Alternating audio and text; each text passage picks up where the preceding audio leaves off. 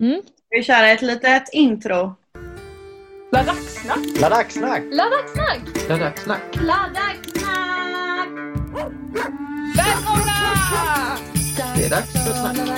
Ladacksnack. Det är dags för Ladacksnack!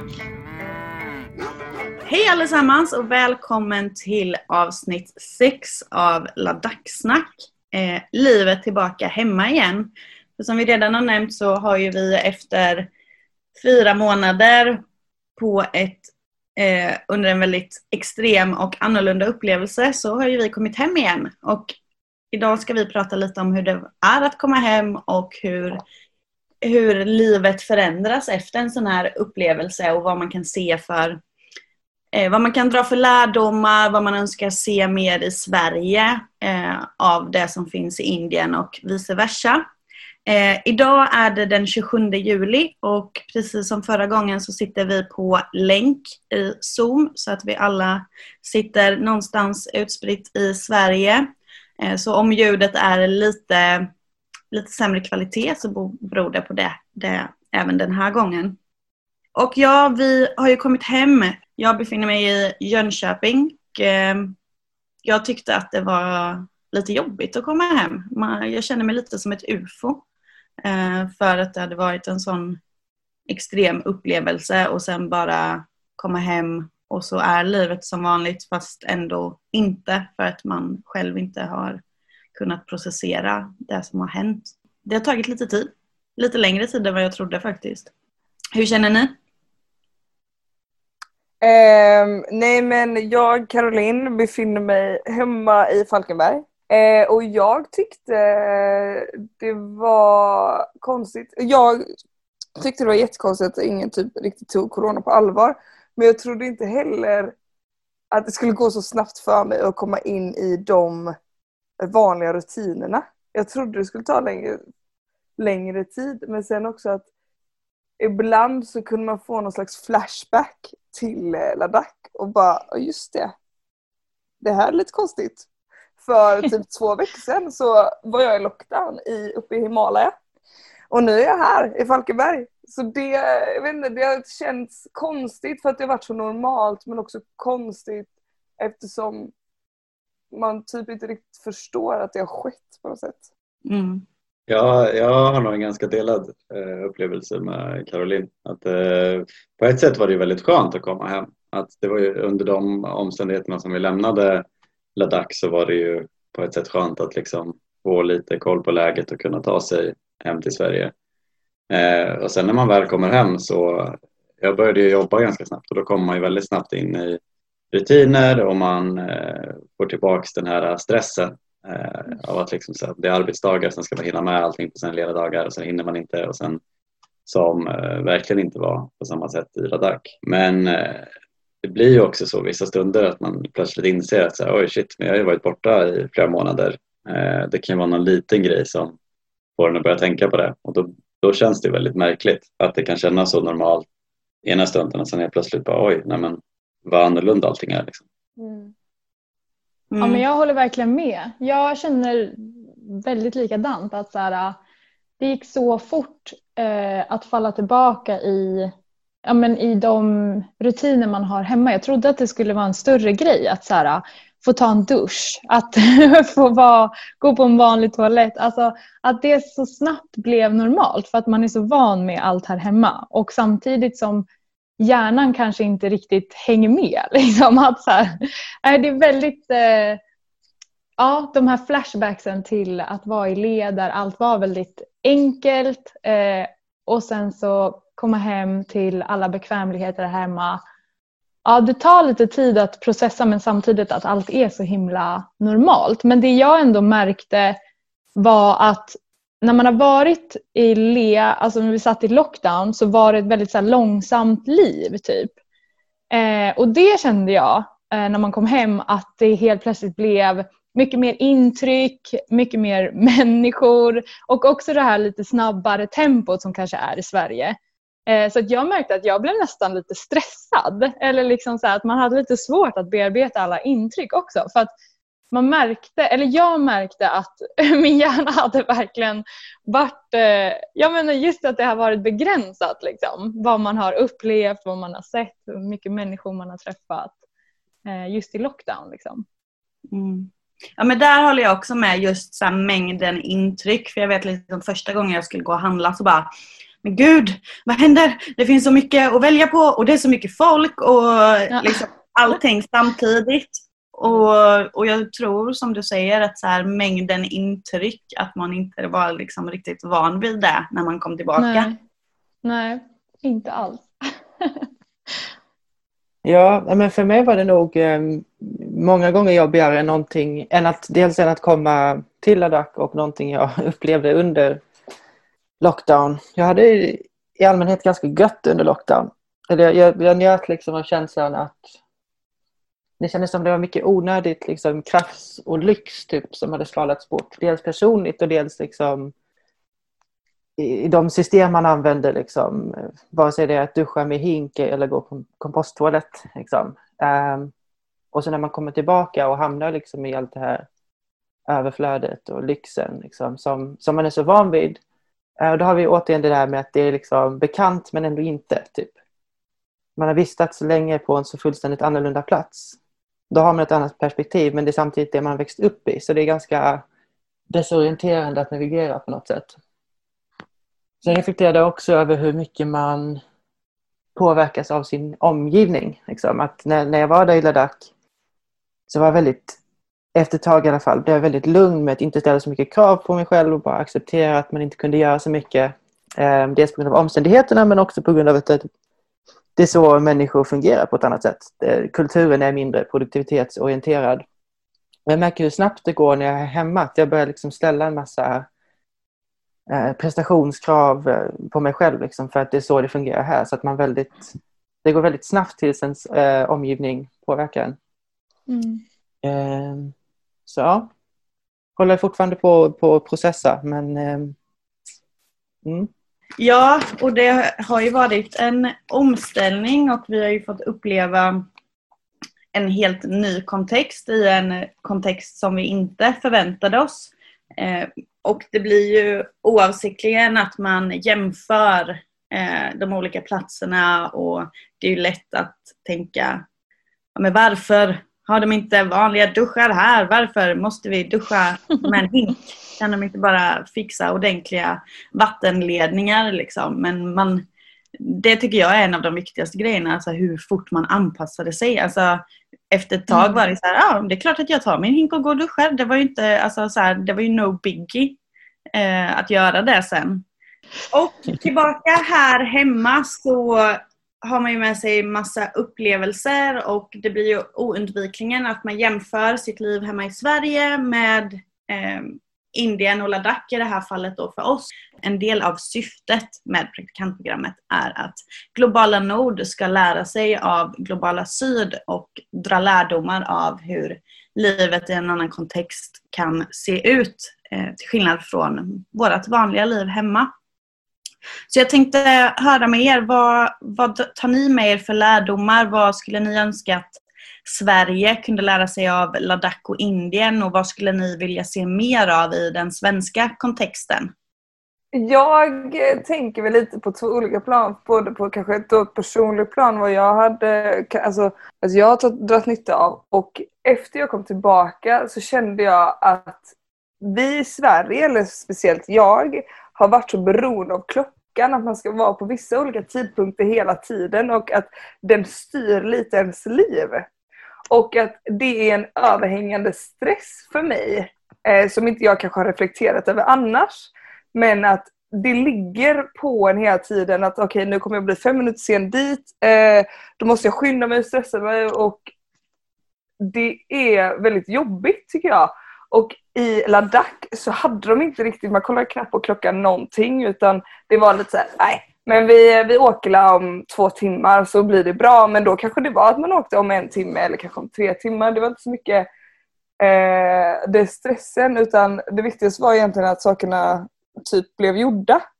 Eh, så det känner väl jag att det är så sjuk stress att klockan styr mitt liv. Nej, men förstår ni, förstår ni vad jag menar lite där? Ja, Eller kan ni, kan ja ni verkligen. Ja, ja verkligen. Mm. Men hur upplevde du det här då att man inte riktigt vet om det sker om en timme eller två timmar eller tre timmar? För det är också en, det pratade vi mycket om innan vi skulle åka ut att mm. eh, vi i Sverige är ju väldigt fixerade vid tid och eh, att planera och att, eh, i, att det kan i Ladakh liksom vara mm. att det kan skapa en stor frustration men för det var väl lite det vi snackade också. Vi hade ju en diskussion om det rätt mycket och alltså jag tyckte väl det var jobbigt just eftersom jag är en väldigt, eh, jag vill att saker ska vara i tid och att saker ska ske i den utsatta tiden som är sagt liksom.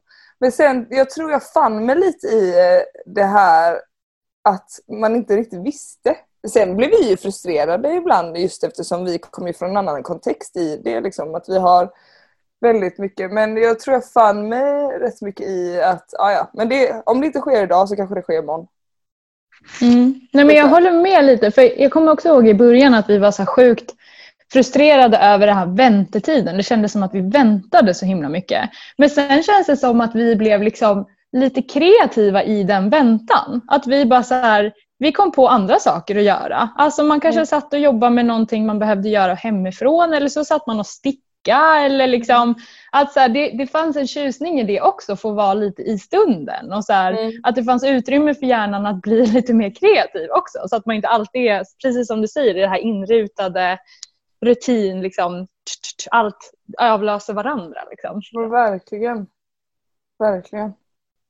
Ja, men det ankommer lite på det jag sa också om, om att vi har liksom en, en i Sverige en, en produktivitets och prestationskultur. Liksom. Att mm det tog också tid för mig med att komma in i det där att det kanske inte är lika mycket det är inte samma tempo på jobbet, man, man kommer inte in i det lika fort. Uh, men sen upptäcker man efter ett tag att det är liksom en del man får en helhetsbild och förstår att det är en del av en, av en kultur som jag tycker är ganska sund, som inte är lika fixerad vid, vid liksom att hålla tider, att vara produktiv, utan som är mer fixerad på att mm. vara accepterande och liksom på, på de sociala banden man har till andra. Så det är någonting mm. för eventuella framtida praktikanter att tänka på. Att det, det, tar tid att få den förståelsen. Och att inte spjärna emot för mycket utan bara acceptera situationen och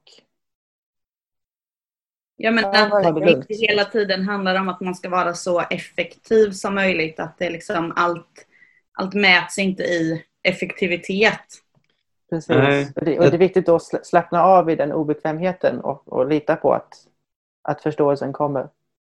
Jag tror att det här med effektivitet kan också vara intressant att nämna. Jag tror man ser på det väldigt olika också. Mm. Att när vi mm. pratar effektivitet i Sverige kanske man tänker mycket på liksom resultat och man tänker på liksom maximera värdet och rent krast tjäna så mycket pengar som möjligt på så kort tid som möjligt. Medan mm. Eh, jag ska inte säga att det är representativt för Indien men de organisationer vi jobbade på i Ladakh kanske inte det var fokuset. Och många av de projekt eller investeringar man gör där handlar ju inte så mycket om att kanske liksom lokalbefolkningen tjänar så mycket pengar som möjligt utan man pratar om andra typer av värden. Eh, kulturella och tradi alltså traditioner och bevarandet av dem. Och det handlar ju, då, då blir det ju en annan typ av syn på effektivitet. Och då är det kanske inte så intressant att saker ska göras snabbt och nu och vi måste komma vidare utan då kanske det är mer intressant att bygga relationer och grunda projekt i samhället och då tar det ju längre tid. Ska man få med alla så blir det en helt annan verksamhet man får bedriva och då är det inte konstigt att, att det eh, kanske skär sig lite mot det man är van med hemifrån där det, de värdena inte är med i projekt på samma sätt. Mm. Just det, ja, men det är en mm. superbra poäng. Man kommer inte att plonka ner projekten utan de är verkligen förankrade liksom, i de behov mm. och institutioner som redan finns på plats. Precis. Mm. Mm. Intressant. Har, vad har du tänkt på Lukas att du vill se mer av i Sverige? Nej, men jag tror mycket, mycket det jag var inne på där, det här med eh, ja, men vi pratar mycket om tempo nu, men just det här att man kanske har olika mål med det man jobbar med eh, när det kommer till liksom verksamhet. Men sen på ett eh, personligt plan om man ska säga så eller på det jag lärt mig själv vardagsmässigt så, så hänger väl det också ihop. Det här, den mer eller mindre konstanta stressen man har i Sverige. Att på någonstans blir man ju liksom en, ens person blir ju det man gör. Att man hittar liksom, nu låter det superdramatiskt, men att man finner sitt värde i vad man presterar. Medan mm. i den situationen vi hamnade i Ladakh som var väldigt säregen just i och med att det var lockdown i princip hela tiden. Eh, när man har så mycket tid och man verkligen kan liksom intressera sig för vad man än känner för, för att det finns ingen press att man behöver vara någonstans för att klockan snart är två. Liksom. Utan då, mm. då kan man verkligen landa i det man gör och så kan man hitta någon slags ro i att inte göra någonting också.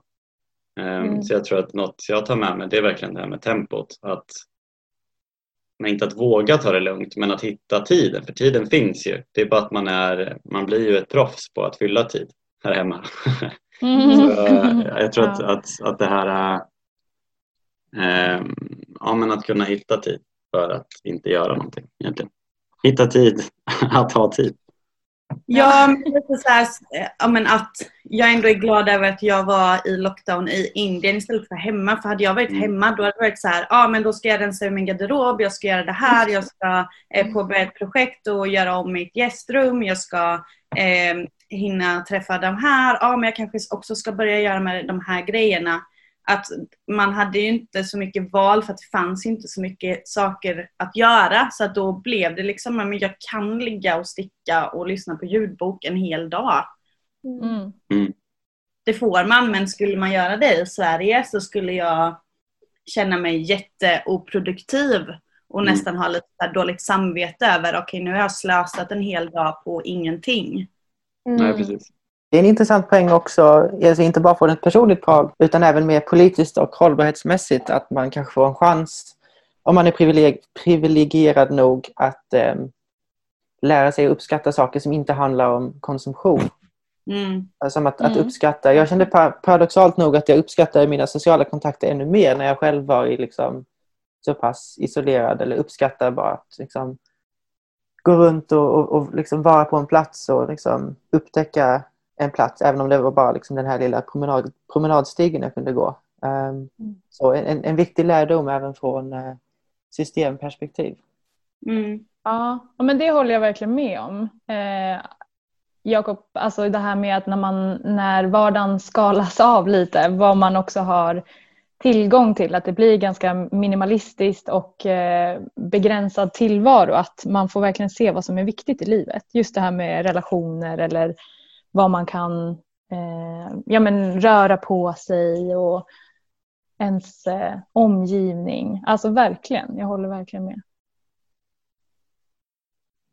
Mm.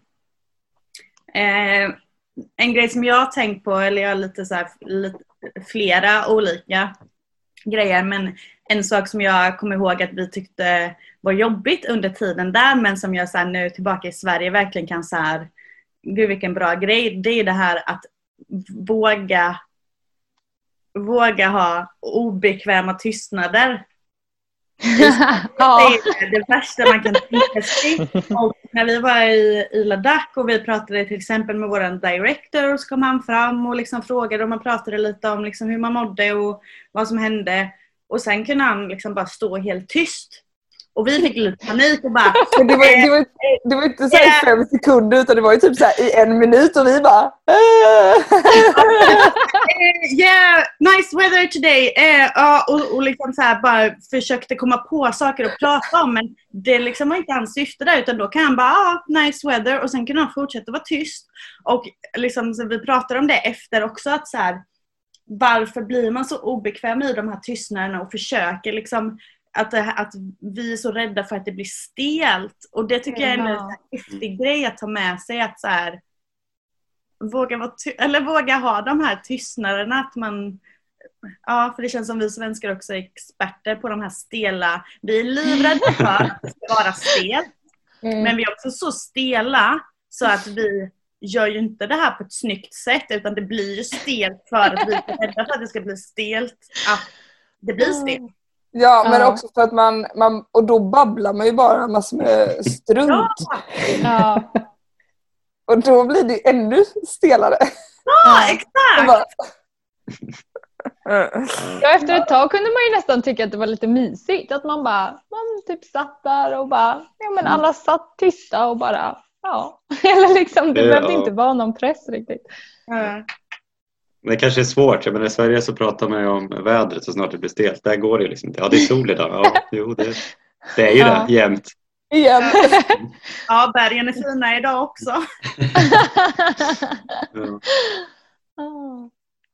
Ja. Men sen tycker jag också att det var väldigt häftigt och väldigt, eh, men så här, som jag skulle vilja lära mig mer om liksom, Sverige, det är ju att i Ladakh så värnar man ju väldigt mycket om det här liksom, gamla livet och det traditionella och liksom hur man gjorde Ja. saker back in the days, fast det är inte så mycket back in the days för att det görs ju fortfarande på det sättet att man så här bevarar tradition, inte traditioner just men så här gamla sätt att utföra saker och ting på. Att det är ju liksom den här kraschen vi pratar om eh, flera gånger, liksom modernt versus traditionellt. Eh, Mm. Men att försöka hitta det, de grejerna i Sverige också. Eh, att, ja men hur gjorde man saker förr i tiden? Att man inte bara har liksom så här, allt som är modernt är bra, allt som är gammalt är Mm. dåligt. Eh, att på något sätt få fram de här gamla sätten som man producerade mat på eller eh, tr- transporterade sig eller eh, byggde hus på. Att liksom försöka få fram de här gamla men bra sätten. Mm. Nej men verkligen och lite kopplat till det också för att jag har tänkt mycket på det här med maten i, i Leladak också. Att så här, ja det var ju också en del som vi tyckte var väldigt jobbigt att det var begränsat på vintern. Men det fanns också en, men en liksom naturlighet i det. Att man följde också så här man åt enligt säsong. Liksom. Man, man åt det som var möjligt där och då. Eh, men det är också kopplat lite till att de traditionellt har ett eh, jordbrukssamhälle. Liksom. Att de odlar mycket själva men också att de, har, att de förvarar så att de har liksom, potatis, morötter hela vintern. Att de ändå tänker, de tänker i ett helhetsperspektiv, de tänker över året och inte bara så här, vad finns på ICA just nu. Och det kan jag verkligen tycka att Sverige ska ta efter, att så här, äta mycket mer säsongsbaserat. Jag vet att vi har pratat om det förut, så här, att är det verkligen rimligt att det finns ananas alltså, varje dag året om på ICA? Liksom? Eh, att mer tänka vad, är, vad, vad växer just nu? Liksom? Vad, för då kanske man också kommer kunna äta mycket mer eh, lokalproducerat Mm. också tänker jag. Eh, Mm. Ja. Men det håller jag verkligen med om och det är, något, alltså det är nog en av de viktigaste grejerna som jag känner att jag tar med mig. Att Mm. just det här, ja, men lite konsumtion men just kopplat till mat, att det är så orimligt det här överflödet som finns Ja. här. Sen var det ju orimligt i Ladakh för att liksom den typen av isolering, alltså det måste ju alltid finnas liksom bra tillgång till mat och under vissa stunder där fanns det ju faktiskt inte det och så ska det ju inte heller vara men så som det är i Sverige ska det ju definitivt inte vara. Det är ju jätte, jätteorimligt och så Ja. mycket som liksom slängs i onödan bara för att det är det här konsumtionsöverflödet i det. Mm. Också det här med att, att lite veta både vad man köper i affären men också ha koll på lite vad som finns tillhanda i naturen också och kunna liksom Ja, använda de bitarna. För det finns jättemycket. Jag var på en vad heter det, rundvandring i torsdags där, vi, där de pratade om medicinalväxter och vilka liksom växter som finns Mm. bara växer i naturen.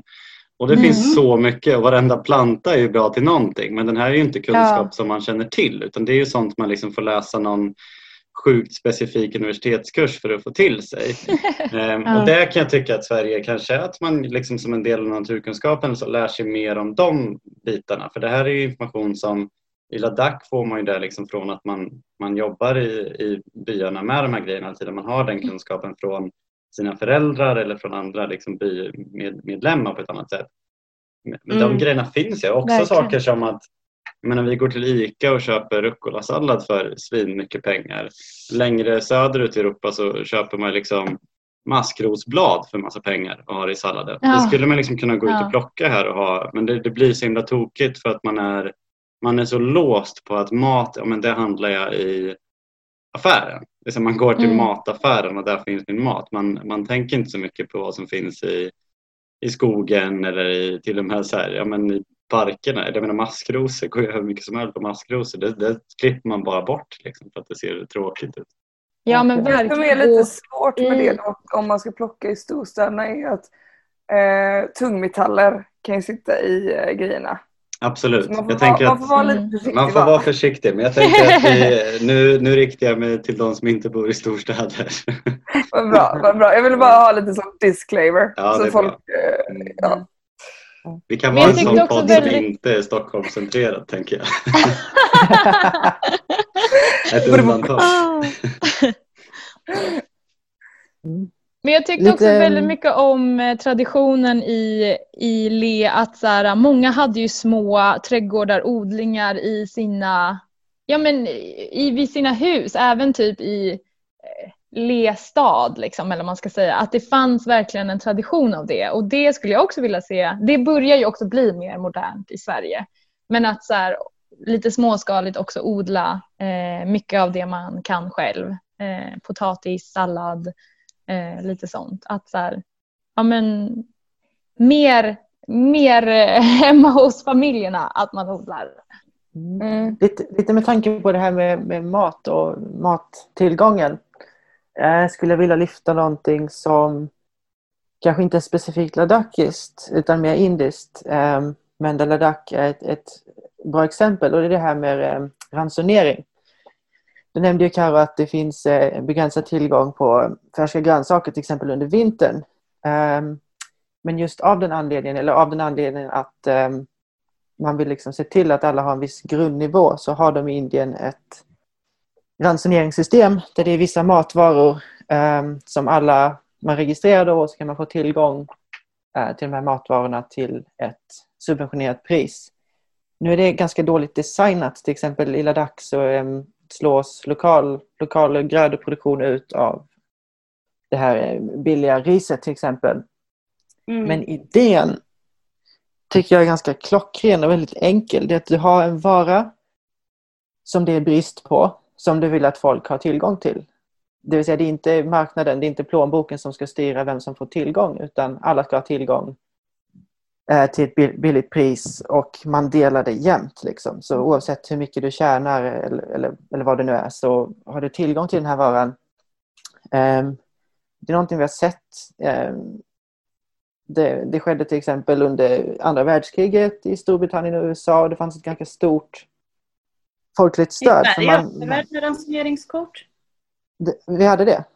Ja. Ja, jo men precis. Om det finns liksom en upplevd gemensam, ett gemensamt mål så är det någonting som kan accepteras och det här är någonting som jag tycker att vi borde titta på ganska noggrant. Ehm, vi har liksom levt i en berättelse att vi ska, vi ska fortsätta växa och vi ska producera mer och, och på, det, på så sätt ska alla få tillgång till vår materiella välfärd. Mm. Men den berättelsen håller på att smulas sönder. Vi, vi är liksom på väg mot klimatkollaps som det ser ut nu och vi är redan i en massutrotning och allt vad det är. Så att alltså, om vi vill bevara något av det bästa med det här moderna glo- globaliserade industrialis- industrialiserade samhället. Eh, vi kommer inte kunna ta allt det där för givet längre. Så då tycker jag vi ska börja tänka på vad ska vi göra så att det inte blir liksom en, en marknadstyranni Mm. där de som har pengar bara liksom bunkrar upp som vi har sett på vissa håll under corona. Utan hur ska vi se till att alla får tillgång, att vi har liksom en gemensam uppoffring. Kanske så att vi kan bevara det här och liksom ha någon form av social jämlikhet. Eh, Det är ett, ett, ett av de största problemen när man ser till eh, klimatrörelsen och, och så vidare. Är just att många lösningar ses drabba de som har det sämst, de som är mest utsatta, de som är fattigaste. Um, kan bara titta på gula västarna-protesten i eh, Frankrike eller bensinupproret i Sverige. Eh, och att det här med ransonering, då har du liksom en, en tydlig gemensam, ett gemensamt mål och en gemensam uppoffring. Mm. Och jag tycker det är någonting vi kan börja tänka på. Mm. Att den här eh, brist, eh, vad ska man säga? Vi är vana vid att alltid ha allting vi vill ha. Men det kommer vi inte kunna ta för givet längre. Så om vi tittar på ett land där det kanske inte är lika självklart att man alltid har tillgång till färska grönsaker eller där det kan finnas liksom en, en brist. Att okej, vad ska vi göra då med det vi inte kan ta för givet? Jo, men vi, vi delar det och vi ser till att alla får tillgång. Mm. Mm. Så det, det, det kan låta som en radikal idé, men Nej men jag tror tanke på, verkligen eh, att det, att det finns en liksom viktig po poäng i det. Att så här, inga, alltså även om man tänker att eh, det finns oändligt med resurser så är ju fortfarande resurserna beroende av någonting och på något sätt så är ju allt ändligt. Eh, och, och det kanske inte ska vara så att ja, med färska grönsaker, ja, men det kanske inte ska finnas 30 olika typer av tomater. Liksom. Men det kanske inte heller ska vara att det inte finns tomater. Men att så här, det finns en sort tomater. Eh, under en viss tid. Men man ska inte tänka att det finns 30 olika sorter. Att liksom men över, alltså få bort överflödet på något sätt. Att så här, det ska räcka med det som behövs. precis. Mm, Och, och att, att tänka på att vår oerhörda valfrihet och materiella överflöd liksom har alltid varit beroende av det är inget som alla kan ha. Det har alltid varit beroende av att utnyttja och fördriva och skövla på, på andra ställen. Liksom. Mm. Och att, att kanske tänka på att försöka vidta de åtgärderna för, för att agera på ett mer liksom, jämlikt och hållbart sätt. ehm, innan liksom, det börjar slå mot, mot oss själva. Att, att inse att det redan har de effekterna på andra håll. Nu svär vi Mm. bort lite från, ehm, från Ladakh kanske, men, men ehm, någonting som blev eh, konkret och som jag tycker är viktigt att tänka på. Mm. Mm. Ja, men jag tänker att det knyter an till liksom mycket av det vi har pratat om och som vi har tänkt kring det också. Att eh, det blir väldigt tydligt med orättvisorna i, i världen. Eh, och liksom för oss som kom, kommer ifrån Sverige där det alltid finns tomat och gurka. Alltså typ man kan gå in på en bensinmack som har en liten, liten köp, eh, litet köpsdel med liksom mat och då finns det där. Och sen till Ladakh när vi efter två månader fick den här första tomaten och det är den godaste tomaten vi ätit i hela, hela Mm. våra liv. Det blir ju en sån kontrast för oss också för att vi är ju inte vana vid att uppleva det, att sakna färska grönsaker. Jag trodde liksom inte att man kunde göra det för att jag har aldrig varit med om det innan, innan i mitt liv. Men det. var, det blev så himla tydligt att eh, ja, men det, det, ja, det gjorde Ja, någonting med. Ja, för jag upplever att man uppskattade maten på ett helt annat sätt. Mm. Alltså Mm. i Sverige så uppskattar jag nog inte maten för att man, allt finns, man liksom har tillgång till vad man vill ha. Men i, i Ladakh så var det liksom, det var något speciellt att så här, åh, när man fick den här tomaten, man uppskattade verkligen den där tomaten. Det var, det var en upplevelse. Eh, Eller typ att de, typ- att de hade typ fått någon speciell grönsak som vi tyckte var asgod i eh, Ja. grytorna. Så bara, åh gud vad härligt, vi kommer få Ja. det i grytan ikväll. Eh, skittaggade. Och första gången typ så här, vattenmelonen kom. Vi har ju aldrig ätit en så god vattenmelon i hela vårt liv. Och det, det kanske inte, jag vet inte om den smakade bättre än den svenska. Det gjorde den ju säkert. Men också bara att så här, ha fått längta så mycket efter frukt eller liksom bara så här. Så att, Mm. ja, det känns som att man ser maten med helt andra ögon när man faktiskt Ja, eh, ja, men inte alltid har tillgång till den. Liksom. Mm. Mm. Och det finns ju oändligt mycket fler grejer som Sverige och det globala nord kan lära sig av Ladakh, Indien och det globala syd. Men det blir också påtagligt att man, ja, men man har ju sina hemmapreferenser och vissa grejer kan man ju tänka att ah, varför är det inte som hemma, de borde göra så här som det är i Sverige. Har ni några liksom, grejer som ni har tänkt på att det här kan faktiskt Ladakh lära sig av Sverige? Någonting jag skulle säga är ändå att ha en, en ty, tydligare em, rollfördelning i, i byråkratin. Em, Mm. Det är väl kanske lika mycket indiskt som, som ladakiskt. Men, men vi har pratat om att det inte alltid var så lätt att, att tillägna sig och att tolka den informationen man fick. Um, och man kunde liksom kastas lite mellan olika instanser. Någon gång när jag var ute på promenad så kom det upp en herre till mig som, som sa att han att jag skulle liksom jag hade redan blivit registrerad för FRO som är Foreigners Registration Office eller något sånt. Eh, men enligt honom så skulle jag typ registrera någon annanstans också och det var jätteviktigt och han kunde inte förklara varför men han jobbade för den här personen liksom. Ehm, och så blev jag bara förvirrad liksom. Så att det, ja. Den indiska byråkratin lämnar väl eh, övrigt att önska. Ja, alltså verkligen. Man har väl svurit många gånger över svensk byråkrati att den är så eh, fyrkantig. Men att jämföra med det vi upplevde i Ladakh så är den väldigt, väldigt bra att ha. Ett, ett, ett eh, annat konkret exempel som visar på att det inte bara är så att vi inte förstår för att vi inte är därifrån var ju när vi skulle eh, få flyga hem. Då. Vi hade bokat eh, flygbiljetter och allting och sen skulle vi, fick vi höra från någon myndighet som hade ringt någon och sagt att vi skulle ha någon slags utresetillstånd eller att vi behövde ha några papper med oss när vi flög. Vilket vi hade fått höra på Leho men jag tror inte att ni hade fått samma information på Ledek vilket är ytterligare nej. en sån här, jaha nej. Mm. Men då skulle vi i alla fall åka till något eh, kontor. Jag kommer inte ihåg vad det var för myndighet. Det var någon förkortning som lät som någon annan förkortning som gjorde det ännu mer förvirrat. Jag tror det var FRO. FRO. Mm. Nej, då kom vi i alla fall dit och skulle, blev tillsagda att vi skulle gå in och så gick vi till grinden och så sa vi att vi skulle prata med de här FRO och så var det någon person i uniform som gick till en annan person i uniform som hämtade en tredje som kom fram till grinden och frågade vilka vi var. Vi sa att vi ville ha utresetillstånd. Vi visade våra pass och han tittade i två sekunder och sa, men vadå, ni har ju visum som gäller, det är ju inga problem. och man bara, nej, ja, nej, okej. Okay.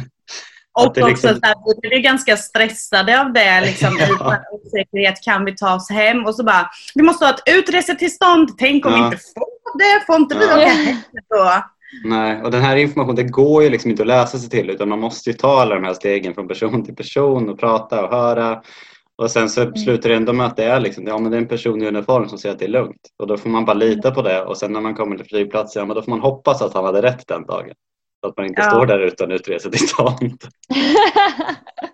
och det märkte på flygplatsen att så här, vi var fem stycken eftersom det var corona så var vi tvungna att gå med liksom mellanrum. Och vi mm. var ju de enda eh, icke-ladakierna där. Och människor på flygplatsen sa ju olika saker till mm. oss. Alltså så här, på ena stället behövde vi ha det här pappret men sen nej, på, på det andra stället där vi skulle lämna in pappret behövde vi inte ha det pappret. Så att det, mm. Ja, jag håller verkligen med att det fanns en liksom, rörighet som var väldigt eh, svårtolkad. Mm. Mm. Jag, jag, tycker också lite det. Det är väl inte riktigt byråkratin men jag kan tycka det. Jag gillar att ha raka rör. Eh, att någon säger till mig, men gör det här och så kan du sen göra det här. Mm. Men eh, det var väl lite bara, nej vad, vad, vill, vad vill du göra? vill, du, vill du göra det här? Nej, det är väl lite så. Lite så. Men eh, det, vi, vi snackar väl rätt mycket om det, att det ibland blev lite så här tvetydigt vad vi skulle göra för vi hade inte riktigt några raka... Alltså vi hade inga riktiga linjer att gå efter. Mm. Eh, en grej som knyter an lite till eh, det jag tyckte att Sverige skulle lära sig av Ladakh med det liksom traditionella. Eh, det är väl också att men jag upplevde, och där pratade vi ganska mycket om och vi pratade även med liksom andra. Och som jag sett i många, alltså i resten av världen, att det finns ju alltid en vilja att vilja få det bättre. Att göra saker för att det ska bli enklare för sig själv, bekvämare för sig själv. Att eh, mm. ja, få det bättre som människa. Och det tyckte jag att de liksom i Ladakh var lite eh, dåliga på att eh, vi har ett exempel som vi ska prata lite mer om också men eh, vi var på ett homestay hemma hos en familj. De bodde jättefint. Det var liksom superfräscht och jättemysigt och vi fick, jag tror det var där vi fick vår första tomat eh, och gurka. Eh, Oj, just det. ägg, just det. Eh, men sen när vi gick och la oss så var det liksom 10 minus i sovrummet där vi sov. För att det var liksom i vardagsrummet, matsalen, där har man liksom en kamin, på kari. och sen går man och lägger sig och så är det så kallt. Och i mitt huvud är det så naturligt att så här, ja men då vill ju jag fixa så att nästa år när det är vinter så ska det inte vara så kallt. Kan man sätta upp tyg på väggen? Kan man göra saker som gör att det inte blir så kallt? För att det var ju liksom frost inne när vi vaknade upp och eh, ja, det var inte särskilt trevligt att, att, sova i det. Och det tyckte jag att det var ganska mycket liksom, ja med den här liksom strävan efter att få det mer bekvämt och enkelt kanske liksom försvann i det här att så här har vi alltid gjort. Det liksom det här traditionella som är väldigt starkt. Eh, och inte att det behöver bli liksom supermodernt av den sakens skull men ja. Nej men verkligen. Och där har väl Ledig men också typ Säckmål jobbat med eh, något som heter Solar Passive House. Det som är intressant är att det här har inte riktigt fått något genomslag. Eh, för att man tror att det här sättet att bygga hus är dyrare än de här traditionella cementhusen. Och Solar Passive House det är egentligen att man använder solen som uppvärmningsmetod. Man bygger eh, som, vad ska man säga, en det heter som en trombvägg, alltså det är två väggar med lite mellanrum emellan och så har man en glasskiva utanpå och en svart vägg bakom det. Så simpelt är det att den här svarta väggen absorberar solljuset eh, och sen så liksom cirkulerar det in i rummet. Liksom. Eh, vilket gör att man behöver bara solen eh, och den här konstruktionen för att värma upp ett hus. Och sen jobbar man med isolering, eh, för det är ingenting man gör i de här andra husen. Cementhusen är liksom, de är helt oisolerade eh, cementväggar. Eh, det blir ju som en kylklamp typ. Ja, ja men verkligen.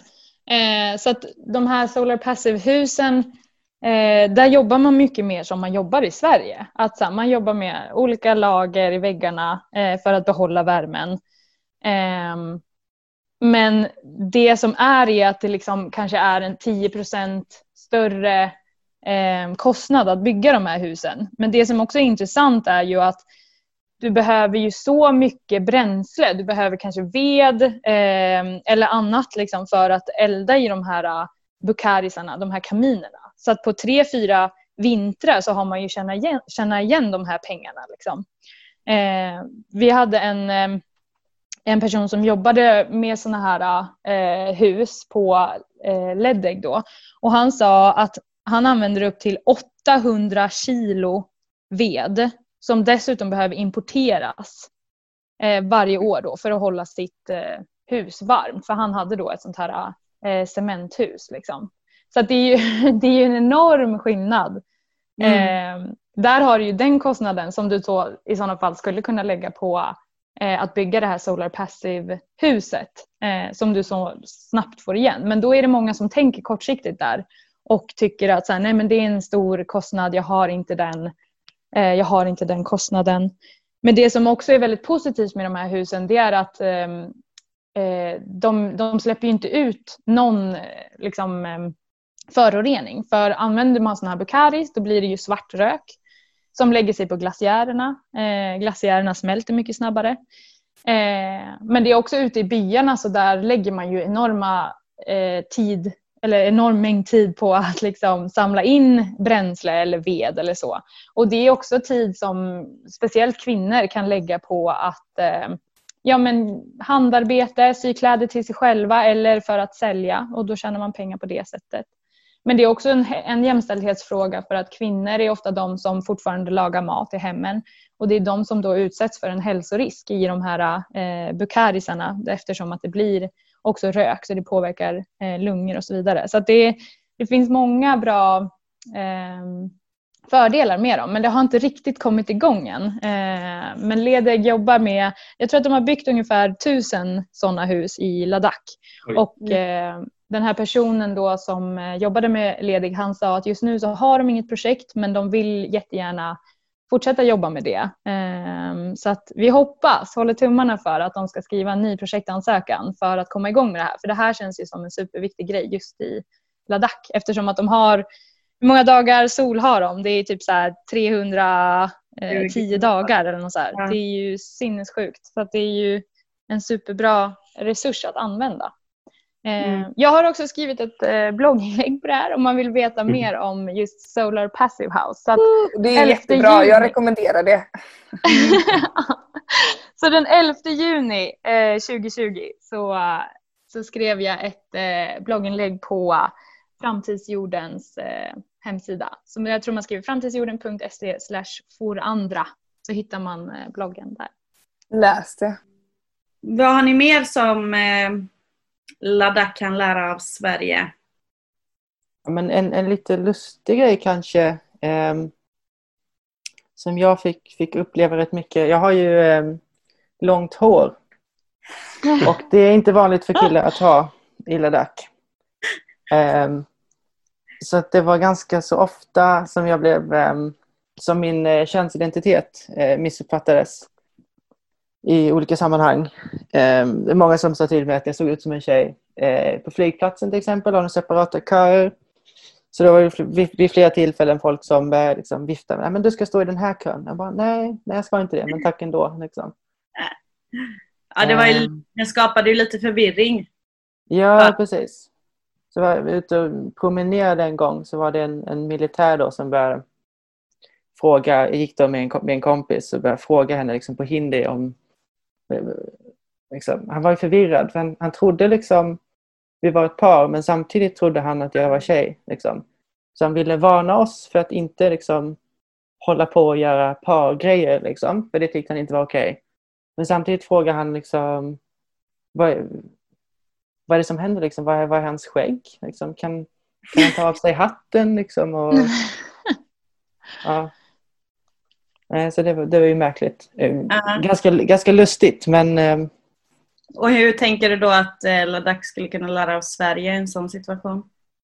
Ja, men... Um, ja, kanske ha en, en, en mer mångfaldig och, och bred uppfattning om, om hur man kan se ut och om, om könsidentitet överlag. Det var folk som sa att de inte visste att homosexualitet existerade till exempel förrän de var liksom 15. Eh, mm. Så att kanske, kanske en, uppskattning för en, en mångfald av sätt att se ut och, och liksom Verkligen. kopplat till, till kön. Liksom. Mm. Nu, var, nu var det inget som drabbade mig särskilt hårt men, men jag kan tänka mig att det skulle kunna eh, drabba andra eh, mm. hårdare. Ja. Ja, jag vet vi någon gång liksom frågade kring homosexualitet eh, och det var ju inte att då var ju människor så här, bara, nej men det är inga problem, men det finns inte här i Ladakh. Det är ingen som är det här. Och då kan man ju tänka att liksom transpersoner och eh, liknande då inte heller finns och det vet man ju finns. Då är det ju bara att det inte finns något utrymme i samhället för dem att eh, leva på det sättet som de egentligen vill göra och det känns ju jätte, jättesorgligt. Mm. Det, det, ska jag säga dock att det, det håller tydligen på att förändras bland unga. Mm. Eller jag har pratat med folk som, som känner folk som, som är öppet homosexuella till exempel och att det finns en, mm. en acceptans och en vilja att, liksom, att, att vara öppen med det på ett annat sätt bland unga än, än vad det har funnits tidigare. Mm. Så det är ju positivt. Verkligen. Men det känns som att många liksom liknande ämnen är ganska tabu. Jag vet att eh, vi pratade också med en kvinna som jobbar med att här, skapa alternativt utbildningsmaterial till eh, barn i Ladakh. Och de pratade ju mycket, eller hon, de skulle göra typ en kampanj kring eh, mens. För att mens var liksom ingenting som man riktigt pratade om, eh, för det anses som tabu. Eh, så där så hade väl de också gått in med att alltså också göra så här alternativa eh, mensskydd, typ sådana man kan tvätta själv och sådär. Eh, mm. och det tycker jag är så himla viktigt att man ska kunna prata om eh, för att unga tjejer ska känna sig trygga också mm. i sin kropp. Liksom. Eh, mm. Så det skulle jag vilja, vilja ändå se en förändring på. mm. Såklart. Lukas, har du någonting som du har tänkt på?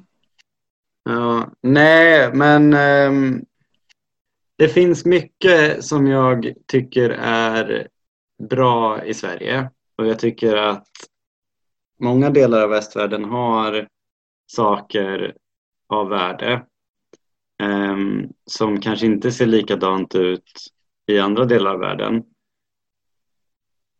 Men det är inte nödvändigtvis någonting som de bör lära sig av så, utan jag tycker att det kan vara värt också att nämna att, att även om kulturer är väldigt olika på, kring olika saker så kan det liksom finnas mer än ett rätt sätt att göra saker. Att, Definitivt. Att bara, bara för att, och det gäller åt båda hållen också, att det, det är så lätt att liksom polarisera eller tänka på det liksom på något binärt sätt att vi är på ett sätt här och andra delar av världen gör på ett annat sätt och det ena kan lära sig det andra och så är det i många fall. Men ibland kan det ju faktiskt vara rätt fast på olika sätt så att säga. Så att många grejer kring eh, ja, men framförallt kanske kultur eh, är ju svårt att liksom säga att man ska lära sig av så. Sen kan man inspireras och kanske liksom lyfta varandra så.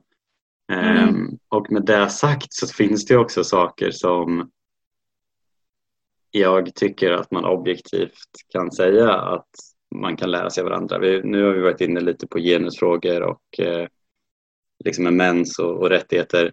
Och där finns det förstås jättestort utrymme för utveckling för det handlar ju liksom om, om, om mänskliga rättigheter och eh, demokrati och allas lika värde och där, där finns det fortfarande stora utmaningar i Ladakh. Um, mm. Och jag ska inte säga att man nödvändigtvis ska lära sig av Sverige för Sverige har också jättestora problem med de här frågorna och, och vi har jättemycket vi behöver lära oss. Um, däremot finns det stora utvecklingsmöjligheter men jag tycker att så här, ska man säga att de ska göra som i Sverige i de frågorna så kommer det inte heller bli särskilt bra. Nej, um, och, verkligen. Och jag tänker att här, vi förenklar ju liksom frågan väldigt mycket när vi liksom pratar om vad mm. kan eh, Sverige lära sig av Ladakh och vad kan Ladakh lära sig mm. av Sverige. Mm. Eh, och det finns ju inte en lösning Nej. som där, funkar universellt. Precis. För det jag tänker är ju att, att kring sina genusfrågor och sånt, det är viktigt att det kommer från kontexten. Alltså vissa grejer kan man ju lära mm. sig rakt av från, från Sverige eller från andra länder. Men just det mm. här med att man har, liksom, man har ju ganska stor förankring i bylivet och då behöver ju någonstans komma kanske från representation där snarare än liksom en svensk jämställdhet som kanske mer handlar om så här arbetsmarknadsåtgärder eller attityder i skolor och så utan det kanske mer behöver komma från eh, liksom den, en, någon slags kollektiv jämställdhet. Att det finns andra, andra problem, andra utmaningar och därmed andra lösningar. Så att det kan finnas en risk i att försöka bara implementera någon slags svensk jämställdhet också. Just det. Ja, bra poäng. Uh, vi har kanske pratat om Helena Norberg Hodge vid något tillfälle. Uh, mm. I alla fall en svensk-engelsk uh, aktivist som grundar en organisation um, som heter Local Futures som har inspirerats mycket av Ladakh. hon pratar om det här med att modernisering inte nödvändigtvis alltid har um, gynnat kvinnor i Ladakh eftersom det har minskat liksom, hushållets ställning och liksom, tagit beslutsfattande liksom, makt från hushållet och därmed gjort kvinnorna mer beroende. Sen Verkligen. har det också såklart skett positiva utvecklingar där, där kvinnor har liksom gått, gått samman och krävt att få ha ett större deltagande i liksom, eh, det offentliga bylivet. Eh. Så det är återigen den här vikten av kontextualitet. Att det kan inte bara ta liksom, en jämställdhet som funkar kanske i en svensk kontext och liksom, tillämpa den i en helt annan kontext. Ja, och eh, som sista grej då. Du, Maria, du hade någonting som du tycker är väldigt viktigt som är bra med Ladakh. Ja, men jag kom och tänkte på att eh, speciellt ute i by, byarna så har man hört mycket om det här med att de har ett ganska tajt eh, samhällskänsla, ett kollektiv liksom. För att man får återberättat ofta så här, men nu är det dags att skörda till exempel. Och då kommer liksom eh, bybefolkningen och hjälps åt. Att man går så här, men nu ska jag skörda min åker. Då kommer man och går dit och hjälps åt och sen kanske det är grannens tur och då går man dit och hjälps åt. Så att man behöver liksom kanske inte heller ha alla redskap eller maskiner eller djur själv liksom, utan det känns mer som att det är kollektivt i, i byarna. Eh, men just också det här eh, gemenskapen, att man alltid ställer upp för varandra. Eh, det tycker jag är en väldigt, väldigt så bra sak som jag tar med mig. Det är också något som jag så önskar att man skulle bli bättre på i Sverige. Att så här, låna varandra, hjälpas åt, eh, geme gemenskapen. Mm. mm. Ja men kanske bara det här att känna sin granne. Ja, verkligen. Ja. ja. Det är ju någonting jag har också slagits av, liksom, att man, man kallar Liksom, det finns inte samma distinktion mellan om, om det är en syster eller en, en plastsyster eller en granne eller en bekant. Liksom. Alla är bror eller syster eller farmor eller farfar. Liksom. Och att det, mm. Folk blir ju helt chockade när man säger att jag, jag växte upp liksom, i en by med 500 personer och jag kände liksom en granne i hela byn. Mm. Det finns liksom inte. Nej. Nej, det är jättebra poäng. Tack snälla. Eh, nu har vi i det här avsnittet eh, väldigt simplifierat pratat om vad man kan lära sig här i Sverige av Ladakh och jag känner att vi alla tar med oss väldigt viktiga och eh, eh, viktiga lärdomar och att den här upplevelsen som vi aldrig någonsin kommer få i, igen eh, kommer ju prägla våra liv och det är i alla fall jag väldigt tacksam över. Eh, men att det också har gått att se att eh, det finns saker som eh, man också kan utveckla i, i Ladakh eh, och speciellt då som vi har sett som kommer från en svensk, svensk kontext. Och eh, vi har ju spelat in sex stycken avsnitt av Ladakh-snack och vi är väldigt väldigt tacksamma över att vi har fått chans att göra det och vi har själva utvecklats och lärt oss väldigt mycket. Inte bara samarbeta och att göra en podd utan även om Ladakh i vårt arbete kring det här. Ehm, och vi hoppas att ni också har lärt er någonting av det och eh, för att läsa mer så finns ju Framtidsjordens blogg som jag pratat om. Eh, Instagram och eh, vi rekommenderar er även att liksom följa podden för att det kan hända i framtiden att det kanske dyker upp flera saker här. Ehm, och vill ni är ni sugna på praktikantprogrammet eller vill fråga liksom oss personligen så finns våra namn taggade på Framtidsjordens Instagram och vi alla är öppna för att ta emot frågor och att få berätta om våra upplevelser. Så har ni frågor och vill lära er mer så finns det jättemånga personer och som sagt skickar ju Framtidsjorden ut praktikanter Eh, Eh, det är lite osäkert nu i och med coronasituationen men det kommer ju i framtiden fortsätta skicka ut praktikanter som kommer vara aktiva på Instagram och blogg så att fortsätt följ för att lära er mer. Eh, och om vi kör ett varv runt bordet innan vi säger hej då. Eh, vad, vad tar ni med er av från hela den här upplevelsen? Nej, men jag tar nog med mig mycket det här kring eh, tempo, tid och stress. Att eh, allt tar sin tid och eh, man ska låta det ta den tiden också. Mm. Jag håller med, men också så här enkelheten. Att man behöver inte så mycket egentligen. Eh, och också så här, jag vill också fortsätta ta med mig vad som så är, är viktigt. Att värna om relationer framför att ha massa, massa grejer. Eh, försöka fortsätta tänka på att leva eh, efter säsong med mat och så. Eh, ja, men eh, liksom minimalistiskt men också nära eller vad man ska säga. Mm. Jag tar med mig både det här också med tid och tempo men även också eh, verktygen som löste så att jag eh, kan hantera en lockdown och mm. pandemi. Mm. De har en lilla verktygslåda nu. Jag tar väl med mig eh, värmen, både, värmen i eh, solen när våren började, började komma fram och föra med sig en massa färger och surr efter minus 15 och, och brun ökenmark. Liksom, som är helt fantastiskt. Men, men framförallt eh, värmen i, i människors bemötande och välkomnande och insisterande på att deras dörrar alltid var öppna och att Mm. man gärna får komma tillbaka i framtiden. Och jag hoppas på att göra också. Mm. Så det tar jag med mig. Mm.